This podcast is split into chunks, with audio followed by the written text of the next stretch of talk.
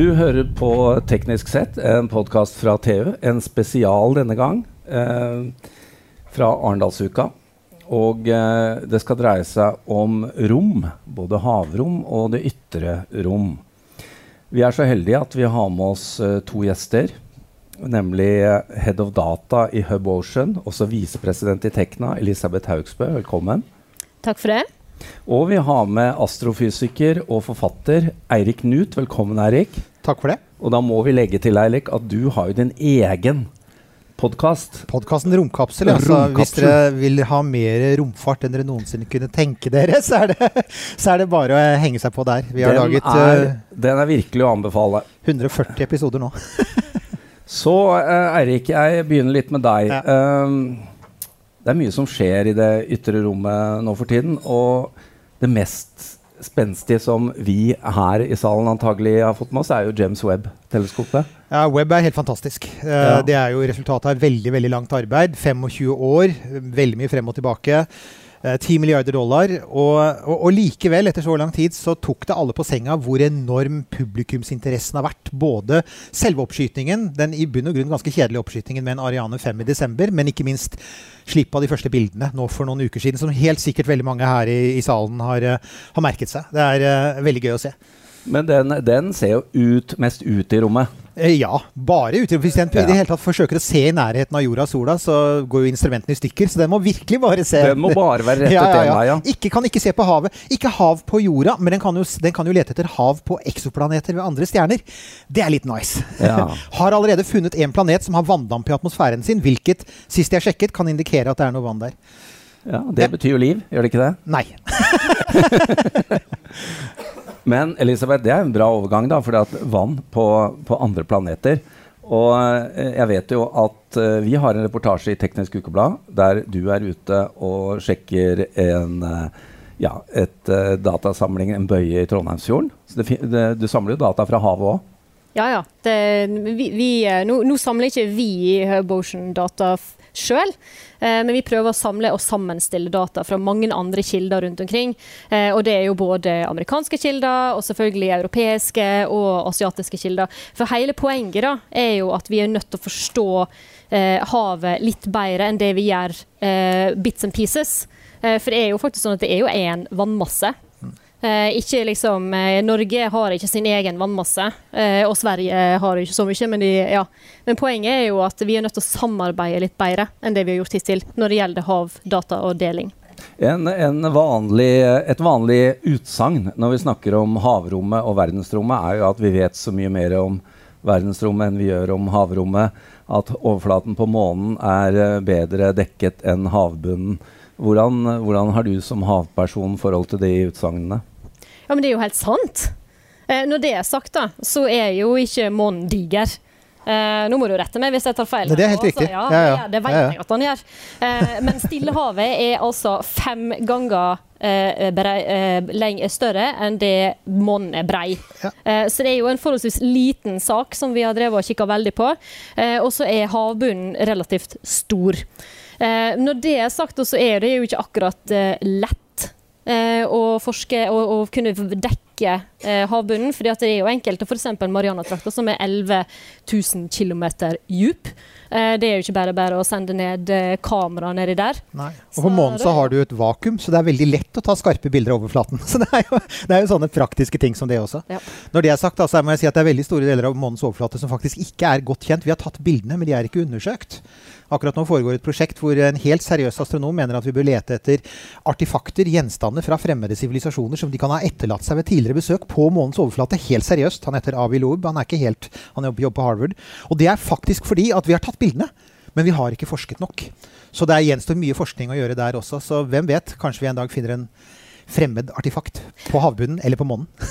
Men er denne, denne konflikten mellom eh, havromsdata og romdata er den litt, eh, litt konstruert? Eh, dere i hav, havbransjen, hvordan ser dere på det? Jeg vil jo ikke kalle det en konflikt, da. For det er jo ikke noe som sier at, at vi ikke ikke kan eh, forske på verdensrommet eh, hvis vi skal forske på havrommet. Eh, og fordi Det er jo en god del teknologi som blir brukt litt om hverandre her. Og spesielt tilgang på skarpe satellittbilder, som vi har vært så utrolig avhengig av for mm. å kunne forstå havet bedre, har en jo nettopp fått fordi at en har ja, ønska å forske på, på, rommet og ja, ikke være så navlebeskuende. Det, altså, det var jo noe den første man gjorde det i romhistorien. Vi tenker liksom at det var Sputnik, og så skjøt opp noen hunder. Men faktisk, så fort man kunne, så begynte man jo f.eks. å ta værdata og se på hvordan skyer beveger seg, og se på hvordan sant, atmosfærestrømmer, og etter hvert også på, på, havet. Det har jo vært en viktig tjeneste som har vært levert fra rommet fra starten av, men det kan alltid gjøres mer, da. Nå skal det jo sies at vår egen romorganisasjon, altså ESA, har jo faktisk et ganske omfattende havprogram. De tar det veldig alvorlig. Det har en tendens til å drukne litt i disse spektakulære tingene som NASA gjør. De skal sende, til, de skal sende en kapsel til månen i løpet av noen dager. 29.8. Ja. og da, da, har disse sånn litt mer sånn jordnære tingene en tendens til å drukne. Men de skjer jo. Og Det synes jeg er viktig å få fram. Ja, og så er det jo sånn eh, Selv tidlig i uh, romfartsprogrammet til NASA så var det jo viktig å bruke havet som training eller som øvelsesfasilitet òg. Ja, altså Veldig enkelt kan jeg si at Hvis du skal skyte opp en rakett, så skyter du mot øst, for da får du drahjelp av jordas rotasjon. Og siden du frem til Elon Musk pleide å dumpe alle førstetrinnene dine, så trenger du et hav. Ja, så derfor så ligger så Cape Canaveral ligger jo da Du skyter mot øst og dumper det i Atlanterhavet. Og hva gjør kineserne som skyter midt inne i landet? De dumper det på landsbyen, men fordi det er Kina, så er det Ja, ja det er en eh, diskusjon. Er, ja. nå, nå, var du innom et navn eh, Eirik Å ja, vi slipper ikke unna han. Nei.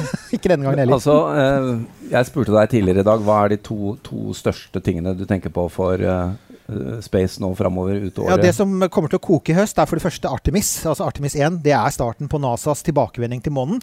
Ubemannet uh, romkapsel Orion som skal sendes av gårde 29.8. Forhåpentligvis forhåpentligvis være borte i 42 dager.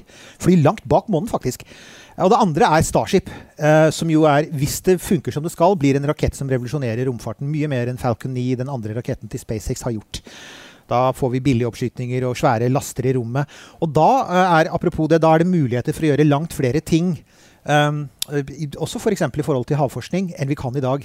Jeg synes Det morsomste som var sagt fra SpaceX i forbindelse med dette, det er ikke at de skal sende mennesker til Mars, for det har de snakket om hele tiden. Det er forskere på jorda bør begynne å tenke på at de bør ikke være så redde for å bygge store instrumenter lenger. For det er typisk for rommet er jo Det er ikke fullt så stort problem på havet. For der kan du liksom plassere det på et skip, og så kan du Det kan veie noen tonn, men i rommet så er jo vekt alt.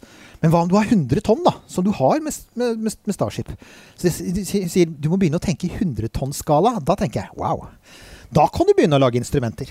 Til lav pris. Vel å merke hvis han holder løftene sine, da ja, eh, vet du om bruker dere eller får dere mye data fra, fra samarbeidspartnere fra rommet? Ja, altså Hub Ocean lukter jo faktisk på å samarbeide litt med SpaceX. Ja. nettopp pga. det her. Eh, men så er det jo veldig mange andre som òg har utrolig gode satellittbilder som, som, de deler åpent i forskningsmiljøet, og er utrolig viktig. Både for at de kunne gjøre god forskning, men òg for at en skal begynne å forstå eh, hva er det egentlig som skjer eh, i havrommet når eh, mennesker gjør slik og sånn og slik og sånn. Et eksempel der, da, uten at det er rene satellittbilder, er jo eh, noe så enkelt, eller vanskelig, som det å bygge en flytende havvindpark. Eh, ja. Når en ser på måten en planlegger det på, så er det jo selvfølgelig selskap som går inn og tenker at OK, her er det noe brukbart med vind, eh, det er infrastruktur, sånn at vi kan faktisk få strømmen fra eh, lokasjonen inn til land. Eller, ja, og mm. det er jo et stort arbeid som, eh, som må kartlegges. Men så glemmer en liksom at det bor jo noen i det området fra før. Mm.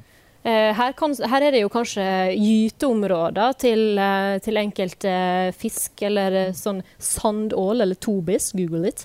Eh, hvis dere har sett bilder av disse lundefuglene, så har de alltid sånne, masse sånne bitte små ja, fisker i munnen. Ja.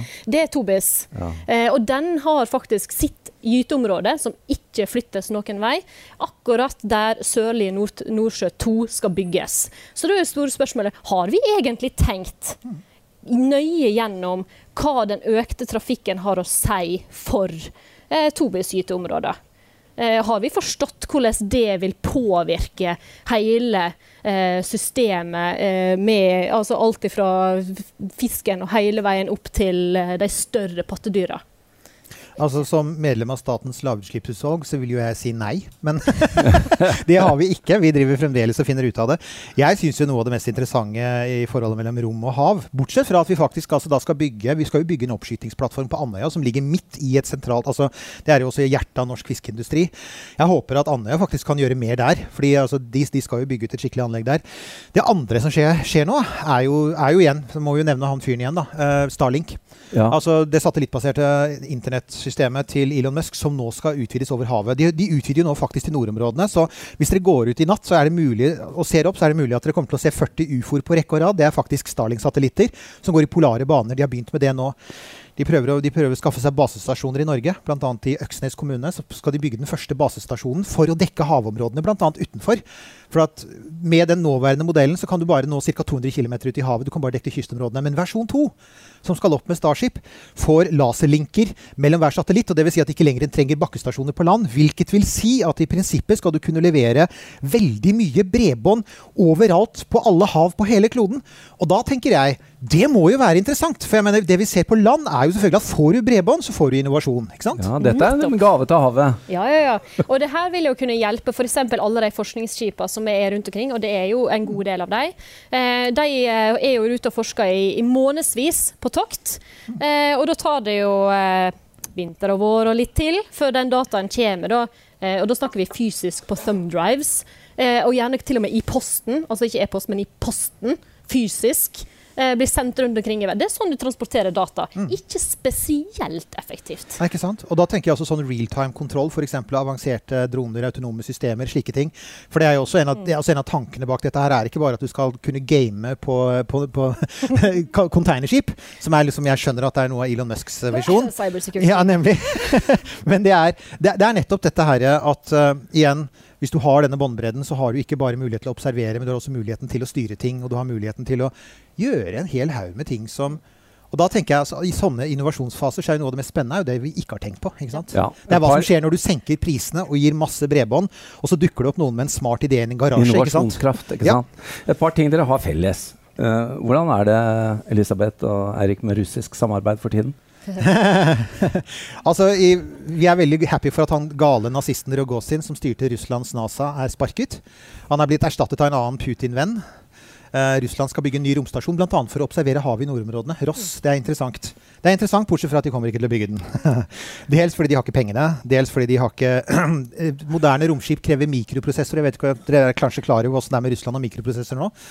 Dels fordi at antagelig så blir det flere yachter på Kypros enn romskip i bane. Det er der russisk romprogrammet faktisk har vært de siste 20 åra. Dessverre. Jeg er glad det var du som sa det. Ja. Men Elisabeth, det er jo viktig for Havdata å ha russerne ja. med? Eh, absolutt. Eh, for de sitter jo tross alt på mye data og forskning, de òg. Og nå er det jo ikke alle russerne som er, som, som er, som er Gale nazister. jeg vet det, heldigvis. Eh, men en uh, liten fun fact. Uh, det går jo litt sånn gjeteord om hva som egentlig skjedde med den der fine optiske kabelen ja. som hører til oh, ja, ja, ja, Jeg hører, hører liksom noen påstår at det er sånn fiske, men, men, hele kabelen er jo borte vekk. Hele kabelen er borte vekk. Det var, det var, en, det var en, veldig stor og sulten hvalross, vi sier det. La oss si det. Han svømte til Oslofjorden. Ja, ja. Uh, en, annet, uh, en, annen utfordring dere har Russerne i samarbeid blir jo litt utfordring. Men uh, det er masse søppel både i rommet og på havet. Er, hvor stor del av tiden bruker man på det, Elisabeth? Altfor lite. Ja. Altfor lite. og det eneste en på en måte veit, det er jo at en ser disse der store flaka med plast som driver og flyter rundt. Mm. En ser hvordan det påvirker økosystemet, uten at en helt tatt har klar oversikt over hva det egentlig betyr. Eh, men det, det, verste av alt nå, nå, greier jeg faktisk ikke å huske hva den der lille nye arten heter. Men eh, det ble oppdaga en ny eh, art på veldig dypt eh, vann. Og den fikk navnet et eller annet plastikus fordi at de faktisk fant plast i magen på det bitte, bitte, bitte lille dyret. Ja. Beklager at jeg, ikke, at jeg fornærmer sikkert alle som er Nei, men det, du, har helt, du, har helt, rett. Er, og, og, vi er altså homo forsøplingus eller noe sånt, og vi gjør jo det. Ja. Uh, for eksempel ble det sendt noen bilder tilbake fra Mars, Mars for um, noen uker siden som viser søppel. Vi har begynt der, Det er noe som sånn sammenkrøllet plast fra landingen. Det er sånn liksom, Ja. det er, vi er i gang. Ja. Det er sånn, eh, Menneskene lander, vi begynner å forsøple. Eh, romsøppel er et genuint problem. Det jobbes med det nå. Eh, men grunnen er selvfølgelig at mye av det vi ønsker å gjøre i rommet, som f.eks. overvåke havene, trues jo faktisk av romsøppel. Og faren for at mengden romsøppel skal øke, er, er såpass at nå er det nettopp kommet et ny artikkel, en vitenskapelig artikkel som sier at sjansen for at noen faktisk skal dø av det på bakken, Ja, den har er, økt. den har økt kraftig. Så nå snakker vi om opptil 10 det neste tiåret. Det har jo ikke skjedd før. Hvor bør man ikke bo? Ja, altså Faktisk kan jeg si at vi som bor i nordområdene er mye mindre utsatt, fordi de aller fleste satellitter og romfartøyer går i lavere Ja, men Der baner. vant vi igjen. Så der vant vi igjen. Men disse her polare satellittene til Nei da. Men det, det, er, det er et reelt problem, for i verste fall så, så kan jo altså Det er sånn Worst case er det såkalte Kessler-syndromet, som du ser i filmen 'Gravity', som for øvrig er en møkkafilm. Men akkurat skildringen av Kessler-syndromet er ganske bra. Ja. Bare ignorer den slutten hvor Sandra Bullock trykker på tilfeldige knapper i en kinesisk romkapsel og kommer seg ned, som er bare Spoiler! men, men, men, spoiler. Vi må bare si Ja. en ting. Altså, jeg, dere, men, vi har, ja, men, ikke, ok. Uh, men, men der tenker jeg, det, det fins helt sikkert sånn i havrommet også. Veldig idiotiske ting man gjør i film på havet. The Perfect Storm, eksempel. Sikkert masse feil der. En ting til her. Uh, Elisabeth, Uh, jeg, jeg vet ikke om Eirik har gjort det for å få flere lyttere på podkasten, men han, han har jo litt sånn uttale om at han har lyst til å bo på Mars. Men har du tenkt deg under på en sånn, sånn der Jacques Cousteau noen Eh. titalls meter under havflaten? Jeg veit ikke helt om jeg kunne tenkt meg bodd der, men eh, hvis dere har hørt om Rev Ocean, eh, forskningsskipet til Røkke, som by the way eh, var, er verdens største yacht eh, Men de har en utrolig kul sånn undervannskapsel. De holder på å teste den nå. De Jeg testet nettopp en arm. Nettopp. 120 kilo eller noe sånt. Ja, ja, ja, Ja. Svær sak. Men poenget er at det er, altså det, det er sånn som du ser i film. da. Sånn eh, glass, rund sånn glassball som kan sitte to eller tre stykker inni der. Og når jeg eh, igjen så tror jeg vi må ha en sånn Google-sjekk på fakta med faktaopplysningene mine, men jeg tror det kan gå helt ned til 3000 meter. Det er ganske kult. Eh, det er dritkult. Og poenget her er at her vil du jo kunne få inn eh, Forskerne vil kunne liksom sitte der og se mye bedre enn Mm. å sende ned eh, AUV-er eller whatever. Og Eh, hente seg samples. ja. Ja, Men jeg, jeg kan si en, Så, sånn, en, en sånn tur. Det ja det, det, da har jeg lyst til å bli med. altså, jeg vil si én ting, da. Det er, altså, ja, men Erik, ja. du, du har sagt at du vil eh, til Mars. Ja, ja, ja. Eh, Jeg har jo også sagt at det er en deal-break hvis ikke jeg får ha med katt, men det, er jo, det, det viser seg at det får jeg ikke. Så det jeg begynner å Det lure nå. trygt å si det. Ja, men, eh, men det er jo én ting jeg, som slår meg. Det er at det har skjedd egentlig ganske mye kult i havet ganske lenge nå. F.eks. tenk på hva James Cameron har gjort. Han har jo nettopp vært på, nede på dypet igjen. Han er jo en av verdens ledende regissører. Han elsker havet. Han filmer alt han gjør. Og jeg er egentlig litt sjokkert over hvor dårlig formidla de filmene er. Det er faktisk altså Formidlingsjobben er ikke alltid på topp. Det kan jeg si at det er en av de tingene vi ser veldig tydelig i romfarten. er at, at det er ikke, altså En av grunnene til at alle snakker om NASA, er at NASA er rå på formidling. De har vært kjempeflinke til å få fram det de gjør. ESA, vår romorganisasjon, er mye dårligere. De er notorisk for å være det, og jeg har tatt dem for det. Og de har, fått, de har til og med beklaget til oss, for de er så dårlige. Uh, og, og, ser, og, og selvfølgelig Roskosmos er enda verre, for de bare viser fram ukrainske flagg og sovjetflagg. Uh, men, men jeg ser noe av det samme når gjelder havet. For jeg, jeg, har alltid jeg har ønsket å se de filmene som James Cameron blant annet, men også andre har tatt ned fra dyphavet for dyphavet. Marianegropen og Tonga Mm. Trench og Challenger-dypet er kjempespennende.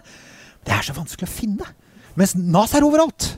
Det er Ja. liksom sånn, det, det, Ja, du- filmer, ja. Ja, filmer, bilder, memes. ikke sant? Altså, det, det er noe med det, det, Du må ha det òg. Du kan ikke bare ha et kult stoff. Du må ha formidlingsevnen. Det Ja, kan man lære av altså, NASA. Det er de råflinke. Hvis du trenger en ny kommunikasjonsdirektør for havet Ja.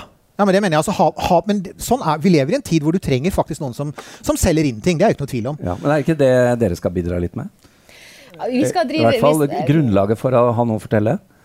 Jeg syns faktisk det hadde vært mye bedre hvis forskerne kunne få lov til å ta litt mer plass. Altså, tenk Ja. hvis, du kunne, hvis, de, hvis de som er akademisk dyktige på fagfeltet sitt, får lov, sånn som du, får lov til å fortelle med det helsa klarer, eh, hva de syns om, om havet. Og, og Tenk hvor artig det hadde vært. Men det er klart, da må du sikkert ha en litt dyktig kommunikasjonsdirektør for å få holdes på topic. All, alle forskningsfelter har noen virkelig store talenter, men det viser seg at det er ikke alle forskningsinstitusjoner som er like flinke til å la dem eh, slippe fram. Vi ser det Innenfor biologi så er det en grunn til at du hører Petter Bøckmann så ofte, som vi for øvrig har hatt som gjest mange ganger, for han er rå til å formidle. Eh, og, og um, det er jo fordi at han jobber et sted hvor han får lov til å slippe fram også. Så det Mm. handler også litt om institusjons... Uh, Spørsmål til deg, Eirik. Er dette også markedsføring? Altså om alle har sine helter innenfor segmentene eller, eller vitenskapene Ja. sine.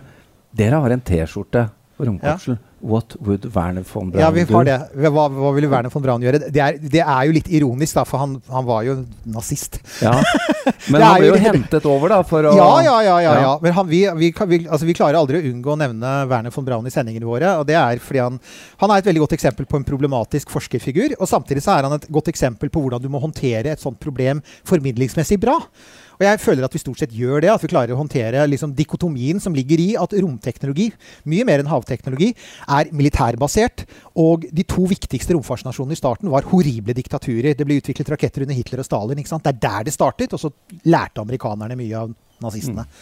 Så ja, det er, det, men det er jo en formidlingsjobb, da. Elisabeth, er det, er det helter for dere i havbransjen? Altså Min er jo Jacques Cousteau, for det var det jeg vokste opp med. Det var jo så spennende. Men han, han var jo mer en populær eh, vitenskapelig mann enn en vitenskapsmann, antagelig. Ja. Eh, Jeg, litt sånn som jeg sa i stad, jeg skulle ønske at vi kunne sett flere sånne Ja, helter. Så der er det en Eh, åpning. Her er det altså en reell åpning til Ja. å virkelig komme og ta litt plass. Men så er det jo litt det, det, Jeg har hatt, satt litt den samme diskusjonen med, på, i ja.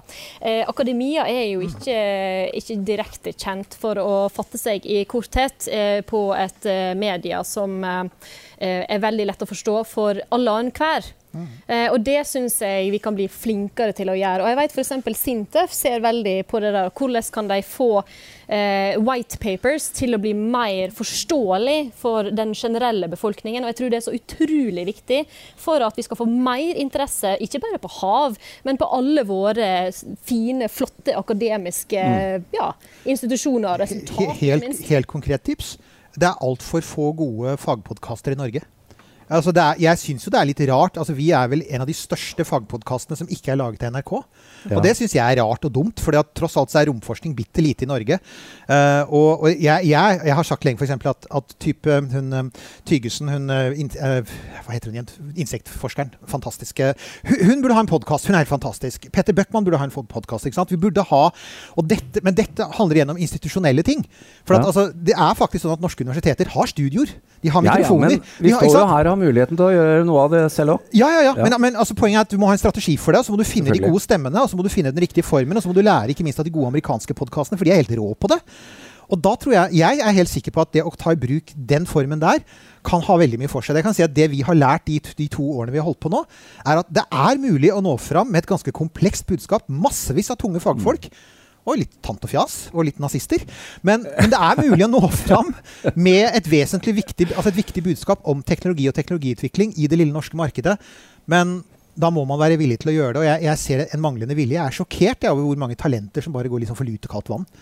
Dere, et par temaer til før vi gir oss. Uh, norsk romindustri eksisterer jo faktisk. Når det gjelder havet, så har vi mange industrier.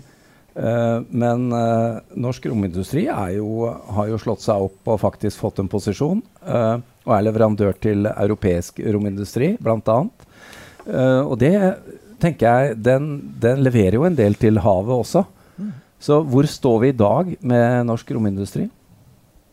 Altså, Norsk romindustri er veldig godt integrert i det europeiske systemet. De er veldig flinke til å skaffe seg gode kontrakter. Vi snakket nettopp bl.a. med han som er eh, produktsjef på Nammo, som jo lager altså Typisk for norsk romindustri er at de gjerne lager detaljer. altså De lager gjerne ikke hele systemer. så Rimfax er et eksempel. Rimfax er et eksempel. Denne fantastiske bakkeradaren.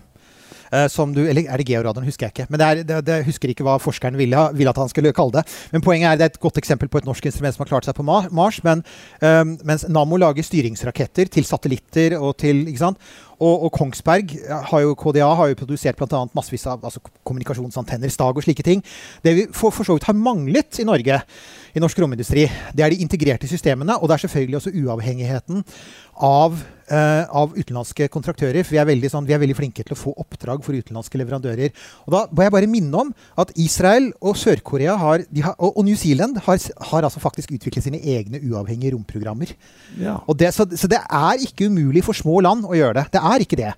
Og jeg mener at Norge har en, har en, en god mulighet der, fordi vi bl.a. har Da- den lange kysten vår. Da kan vi jo gjøre én ting, Elisabeth. Fordi at uh, uh, av alle som har vært på månen, så er det bare menn. Mhm.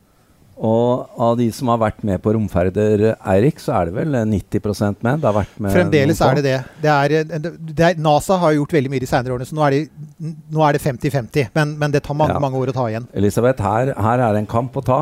Og uh, ville du meldt deg? Er, er nå trodde jeg faktisk at du hadde tenkt å sende meg til månen. Men, uh, så jeg tenkte at nå, nå, den diskusjonen her tar vi ikke. Nei. Nei, jeg, jeg, tenker jo at uh, det handler jo veldig om Vi har vært innom det, da. Mm. Rollemodeller. Eh, ja. og jeg har jo sagt det før, da, men det er så utrolig viktig. for det, det, er en ting at du sier en ting, men, men det å se det å eh, oh ja, det er mulig, det kan jeg gjøre. Ok, Vi ser en kvinnelig pilot, vi ser en kvinnelig ja. astronaut. Å oh ja, men da er det jo mulig for meg. Å, oh, det kan jeg tenke meg å gjøre. Ja. Altså, Sally Ride, den første amerikanske kvinnen i rommet, den første eh, i rommet var jo Valentina Tereshkova på, i 1965. Men Sally Ride var jo oppe med romferja på 80-tallet. Eh, hun har jo nærmest sin egen nasjonaldag. Hun brukes jo veldig bevisst og er jo blitt en rollemodell for ekstremt mange. Og siden så er jo så, så, så, igjen, NASA er veldig i front med dette. De er kjempeflinke. Det betyr jo mye. Det betyr enormt mye. Ja. Og de er ganske flinke. altså Amerikanerne kan være veldig, ganske flinke til å liksom bare si det som det er. For vi liker gjerne å pakke det litt inn. Vi skal kanskje ikke nødvendigvis si det rett ut. Nei, men Sally Ride var altså selvfølgelig hun var en dyktig astronaut og pilot og alt det. For du blir ikke astronaut i NASA uten å være veldig dyktig. Men, men ja, hun er også en rollemodell, og vi bruker masse bilder av henne, og vi lager tegneserier om henne, og vi lager filmer om henne henne. De er veldig tydelige på det, og det liker jeg. Jeg syns det er litt flott, jeg. og det er en av grunnene til igjen. De leder. De er så mye flinkere enn alle andre på formidling, bl.a. fordi de, de holder ikke noe tilbake. Så det må gjøre noe med. Dere, vi kunne snakket mye mye lenger, men vi har gått langt over tiden allerede. Og uh, tusen takk, Eirik, for at du stilte opp her i Arendal. Og Elisabeth, takk for at du også ville bidra. Jeg er sikker på at dere har mye å snakke om etterpå. Ja, ja, ja.